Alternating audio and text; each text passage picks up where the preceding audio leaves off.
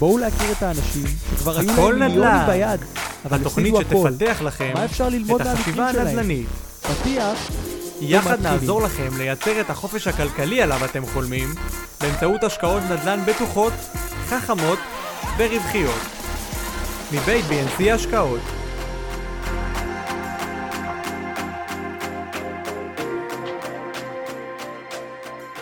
היום נדבר על האנשים שהרוויחו מיליונים אבל הפסידו הכל. אה, רק נראה שאנחנו באוויר, רואים ושומעים, אה, וכמובן ניקח את זה למקום שלנו, מה אנחנו יכולים ל- ל- ללמוד, ללמוד מאותם אנשים שהרוויחו מיליונים אבל הפסידו הכל. אה, אני רק מסתכל שאנחנו באוויר, רואים ושומעים, אם מישהו כבר איתי, למרות שאנחנו משדרים לכמה ערוצים במקביל, אה, תרשמו לי שרואים ושומעים, אני מאוד אשמח לראות כדי לדעת שאני יכול להתחיל, ואנחנו יוצאים לדרך כמו כל יום שלישי. האנשים שהרוויחו מיליונים והפסידו הכל, הלייב היום לא הולך להיות לייב ארוך, הוא הולך להיות לייב קצר, קצר וקולע. אה, אני כן אגיד, לפני שנדבר על הלייב הערב, שאנחנו הולכים לעשות אה, סדרת לייבים על מימון. משכנתאות, השינויים שקרו בזמן האחרון במשכנתאות, איך לדעת כמה משכנתה אתם יכולים לקחת, מינוף אה, בצורה אחרת, לא רק משכנתאות, הון סמוי, הון, אה, גלוי והון סמוי, איך אתם יכולים למנף כספים יותר זולים ממשכנתה. אה, זה יהיה כמה לייבים שידברו אך ורק על מינוף, אני חושב שזה יהיה אה, הלייבים הכי, הכי אה, עמוקים שעשינו על עולם המינוף. בסוף, כל אחד ואחת מכם ידע איך לממן את העסקה אה, שהוא הולך ללכת אליה, וזה לא משנה אם זה בארץ או בחו"ל, מה הדרך הכי נכונה, ידע כמה משכנתה הוא יכול לקחת. אז אנחנו מתחילים את הסדרה הזאת אה, משבוע הבא. אני מציע לכולם אה, לצפות בה מהלייב הראשון משבוע הבא, ובמשך כמה לייבים בימי שלישי, כי הסדרה הזאת תיבנה לייב אחרי לייב. על מה אנחנו הולכים לדבר היום, חברים? היום אנחנו מדברים על השאלה בגדול, האם משכורת גבוהה, גבוהה, הרבה כסף, משכורת חודשית, קבועה, תיתן לנו ביטחון כלכלי. ואנחנו נראה האם אה, אנחנו יכולים ללמוד ממה קרה מהאנשים שהרוויחו מיליונים, משכורות מאוד מאוד גבוהות, אבל הפסידו את הכל. איך אנחנו מורידים את זה לעולם שלנו? אנחנו נראה, נדבר על מפורסמים שהרוויחו משכורות מאוד גבוהות, והחלק הארי, החלק הגדול מביניהם נשאר בסוף בלי כלום, ואיך חלק אחר המשיכו לשמור על רמת חיים גבוהה, גם שהם הפסיקו לקבל את אותה משכורת.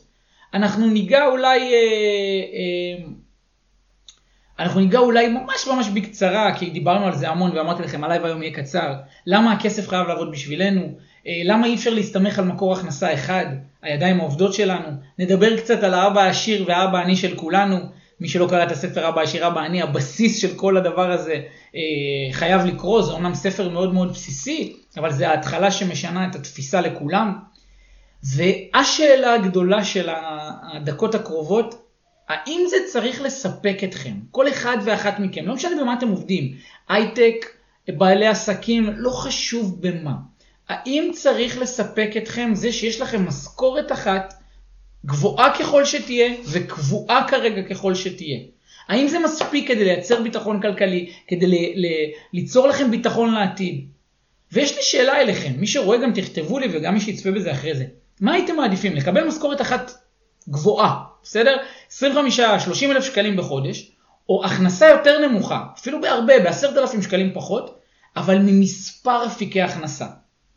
מכמה אפיקי הכנסה במקביל, מהשקעות בשוק ההון, בנדל"ן, ב, אה, בעסק שלכם, בחנויות דיגיטליות, לא משנה במה. פעם אחת אתם יכולים לקבל משכורת קבועה, גבוהה, ממקור הכנסה אחד שהוא הידיים העובדות שלכם, או לקבל משכורת יותר נמוכה כל חודש, אבל שמגיעה ממספר אפיקי הכנסה. מה אתם הייתם מעדיפים דרך אגב? מה אתם חושבים שיותר נכון? ויותר מזה, בואו נלך עם זה עוד קצת, אה, אה, עוד צעד אחד קדימה. האם משכורת אחת גבוהה ככל שתהיה? בסדר? תפרי, תפריזו, ת, ת, ת, תחשבו על המשכורות הכי גבוהות שאתם חושבים שאתם יכולים להגיע אליהן, כל אחד ברמה שבה הוא נמצא היום. האם זה באמת נותן לנו ביטחון כלכלי? האם ההסתמכות רק על מקור הכנסה אחד, הידיים העובדות שלנו, יכול להביא אותנו לביטחון כלכלי, לא משנה כמה המשכורת uh, תהיה גבוהה. אז בואו נתחיל מההיסטוריה. מעט היסטוריה ממש בקצרה. מה ההיסטוריה מלמדת אותנו, ואיך אנחנו מורידים את זה לרמה שלנו, בסדר? ובואו נתחיל בדוגמאות. אני אתחיל מדוגמאות מעולם הספורט. בואו נתחיל, אה, צהריים טובים לכל מי ש... אה, אחר הצהריים טובים לכל מי שרושם, אה, גיל וכל מי שצופה, ערב טוב לכולם, ערב טוב לאור ולדני ולחי, תודה רבה שאתם איתנו. למי שהצטרף באיחור, תשלימו את ההתחלה של הלייב, מאוד חשוב. בואו נתחיל מההיסטוריה ונראה מה אנחנו יכולים ללמוד ממנה. ונתחיל מדוגמאות מעולם הספורט. עולם ה-NBA, דניס רודמן, סקוטי, סקוטי פיפן, פיפן, ואלן אלן אייברסון. כולם, מה משותף להם דרך אגב? מה משותף לכל השחקנים האלה? הם שחקנים שהרוויחו מיליוני דולרים, אם לא יותר מזה, בעונה אחת, כל שנה. הם היו בפסגת העולם מבחינה כלכלית, משכורות הכי גבוהות שאפשר, אה, אה, משכורות הכי גבוהות שאפשר לדמיין. האם הם יצרו לעצמם ביטחון כלכלי מאותן משכורות? האם הם הגיעו לביטחון כלכלי בחיים שלהם? דרך אגב, מה שמשותף לכולם, שהם כולם פשטו רגל. שהם סיימו את הקריירה שלהם, כולם פשטו רגל. בסדר? והם מעט דוגמאות, ותכף נראה עוד קצת מה ההיסטוריה יכולה ללמד אותנו, ואיך אנחנו לוקחים את זה לעולם שלנו. היה איזה כותרת בעיתון, כותרת שפורסמה בוואלה, סליחה, לא בעיתון, על אה, אלן אייברסון, שציטטו אותו שהוא אמר, כשהוא פרש, הוא טען שזה היום המאושר בחייו. ואז הכותרת המשיכה, אבל מאז הוא הספיק לעשות הכל כדי להוכיח שההפך הוא הנכון. הוא בזבז את כל הונו, עד שלא נשאר לו כסף אפילו לצ'יזבורגר. ככה הייתה הכותרת. וזה מדהים. בסדר? זה מדהים. עכשיו עזבו למה הם פשטו רגל, ומעט דוגמאות מיני רבים. בטוח שיש המון דברים שהם יכלו לשפר כדי לא לפשוט רגל אחרי שהם הפסיקו לקבל את אותה משכורת. בואו ננסה להבין מה היה יכול למנוע את זה מראש. מה הם היו יכולים לעשות לפני, ומה אנחנו צריכים להבין כל אחד ואחת מאיתנו ברמת, ברמת המשכורות שלנו. אמ, עכשיו יותר מזה, יותר מזה, חברים, אתם צריכים להבין משהו. הם יכלו גם לדאוג מראש לביטחון כלכלי עם המשכורות הגבוהות שהם הגיעו אליהם, הם גם היו יכולים לדאוג לדורות שאחריהם, והם היו יכולים לדאוג למינוף הכסף שהם הרוויחו. אז לפני שאנחנו מנסים לענות על זה ביחד ולהבין מה היה מונע מהם, קצת נתונים כדי שתראו שההיסטוריה מאוד חכמה, בסדר? תקשיבו טוב, 60% משחקני ה-NBA מגיעים לפשיטת רגל. 60%. כמה ילדים, דרך אגב, אני לא יודע מה היה החלום שלכם בתור ילד, כמה ילדים חולמים לשחק, להיות שחקני כדורגל, להיות שחקני כדורסל. זה תמיד נראה נוצץ, מדהים, הכסף, התהילה, הרכבים, החיים המטורפים האלה של להוציא כספים בצורה מטורפת. אם לא ממנפים את הכסף נכון, לא משנה. לא משנה כמה אתם מרוויחים, לא תוכלו להגיע לביטחון כלכלי ממקור הכנסה אחד. בסדר? 60 אחוזים משחקני ה-NBA פושטים רגל, תכתבו באינטרנט ותראו את כל הכתבות על זה. דרך אגב, מה קורה ב-NFL, ליגת הפוטבול האמריקאית? 80 אחוז מהשחקנים פושטים רגל. אתם מבינים את האבסורד? בסדר? עכשיו ברור, אתם צודקים, זה נובע מרמת חיים מאוד גבוהה שהם התרגלו לחיות. מהוצאות על דברים שרוב האנשים יחלמו עליהם, יכולים רק לחלום עליהם כל החיים שלהם. בזבזנות, אורח חיים מטורף. אבל, ויש פה אבל גדול. האם זה לא מעיד על התנהלות לא נכונה עם כסף? האם אנחנו לא יכולים ללמוד מזה כי לא הגענו לרמות האלה? בוודאי שאנחנו יכולים. כל מי שצופה בי, כל מי שצופה בנו באופן קבוע, ואומרים לעצמם כל הזמן, אני עד עכשיו לא יכול להשקיע, כי יש לי רק 100 אלף שקל, יש לי רק 300 אלף שקל, אני מחכה שאני אתקדם בעבודה, אני עכשיו צריך את הכסף למשהו אחר, עדיף שהוא יהיה בבנק, אני מפחד להפסיד. כל אותם התירוצים, למה לא להוציא את הכסף לעבוד בשבילכם, הם פשוט שטויות, סליחה על הביטוי. פשוט שטויות. האם באמת צריך לחכות לזמן נכון, או צריך ליצור את הזמן הנכון ולעשות פעולה? בואו ננסה לחבר את זה עוד יותר אלינו. לא משנה מי אתם ומה אתם ואיפה אתם עומדים ומה רמת ההכנסה שלכם. אתם חייבים להבין שמתישהו זה נגמר. כמו שזה נגמר לשחקני ה-NFL וה-NBA, כמו שזה נגמר ל-80% מהשחקנים ב-NFL שפושטים רגל, מתישהו מקור הפרנסה היחיד שלכם נגמר. אתם יכולים להיות מפוטרים, יש קורונה, בסדר? זה, זה, יש פנסיה שמגיעה ואז רמת הכסף נחתך, נחתכת פלאים אם לא התכוננו לזה מראש.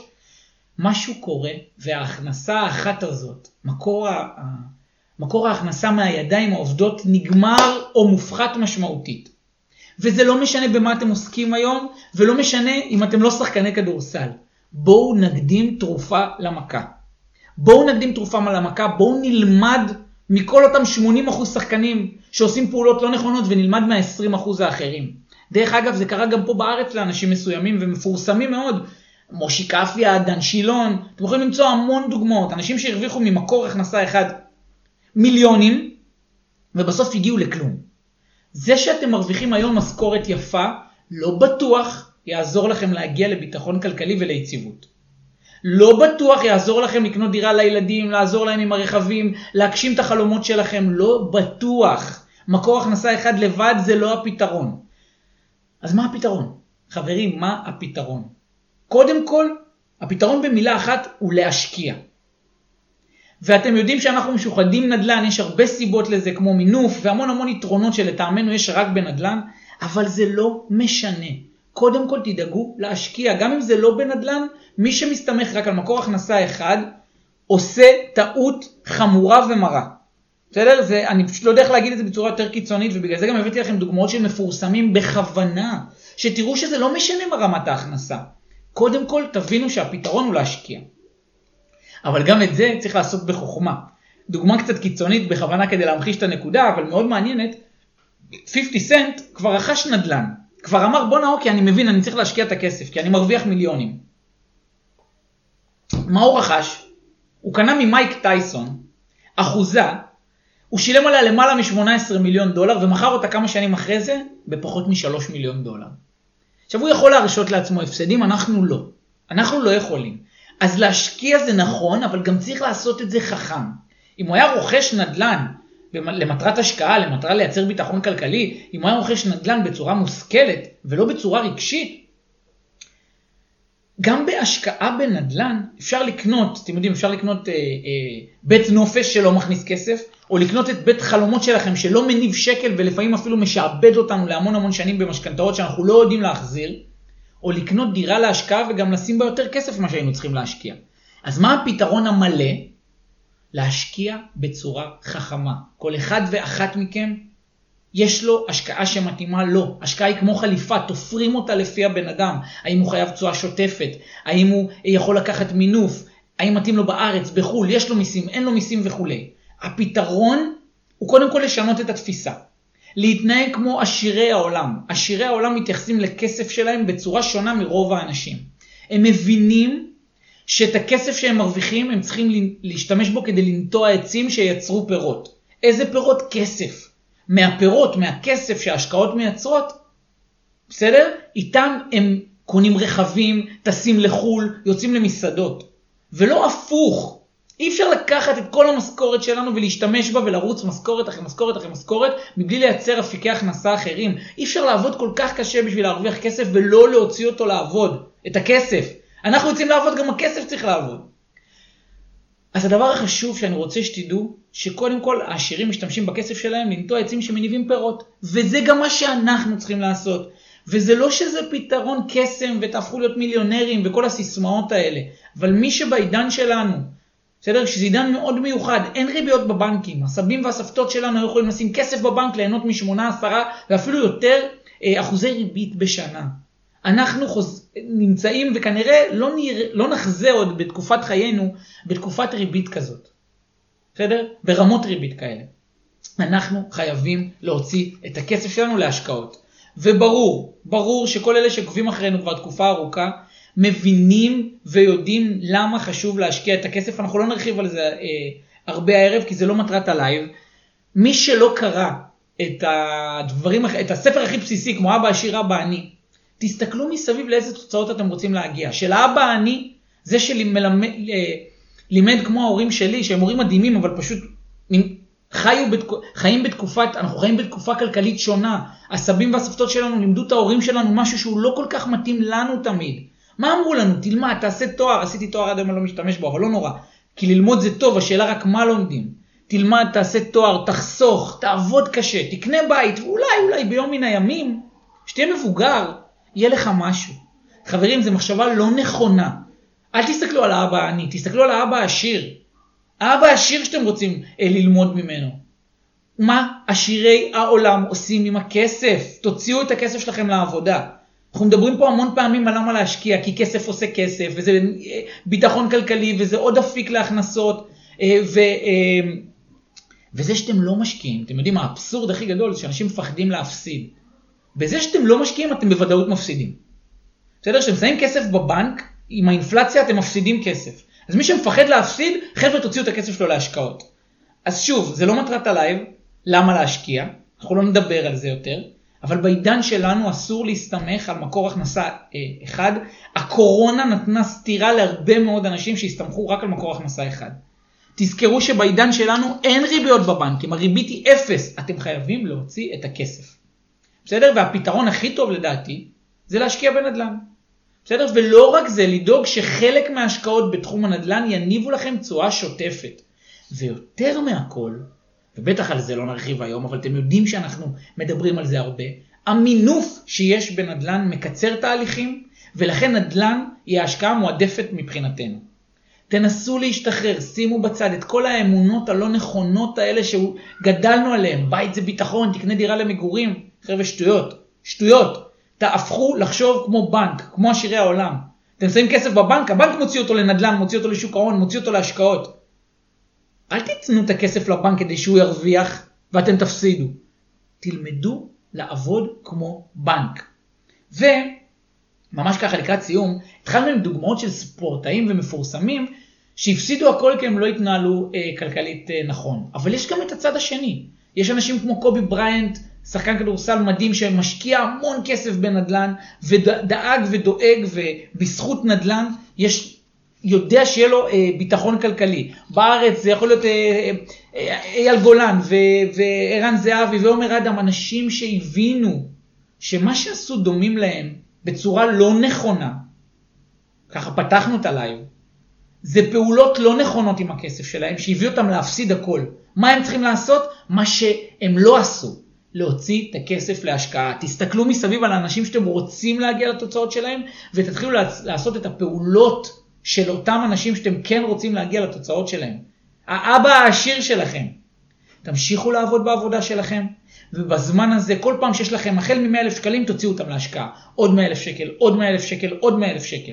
תתחילו מהתנהלות פיננסית נכונה, כדי שכל חודש חלק מהכסף שאתם מרוויחים יהיה בצד. בצד, שימו אותו בצד, לא משנה מה. אל תיגעו בו. אל תיגעו בו עד שאתם מגיעים ל-100 אלף. הגעתם ל-100 אלף, השקעה ראשונה. עוד השקעה, עוד השקעה, עוד השקעה. ואז תגיעו עם הזמן, כי זמן והשקעות, אין פה נוסחאות קסם, בסדר? אנחנו לא מספרים סיפורים, לא נהפכים להיות מיליונרים בלילה אחד או ביום אחד, זה לא עובד, זה לא עובד.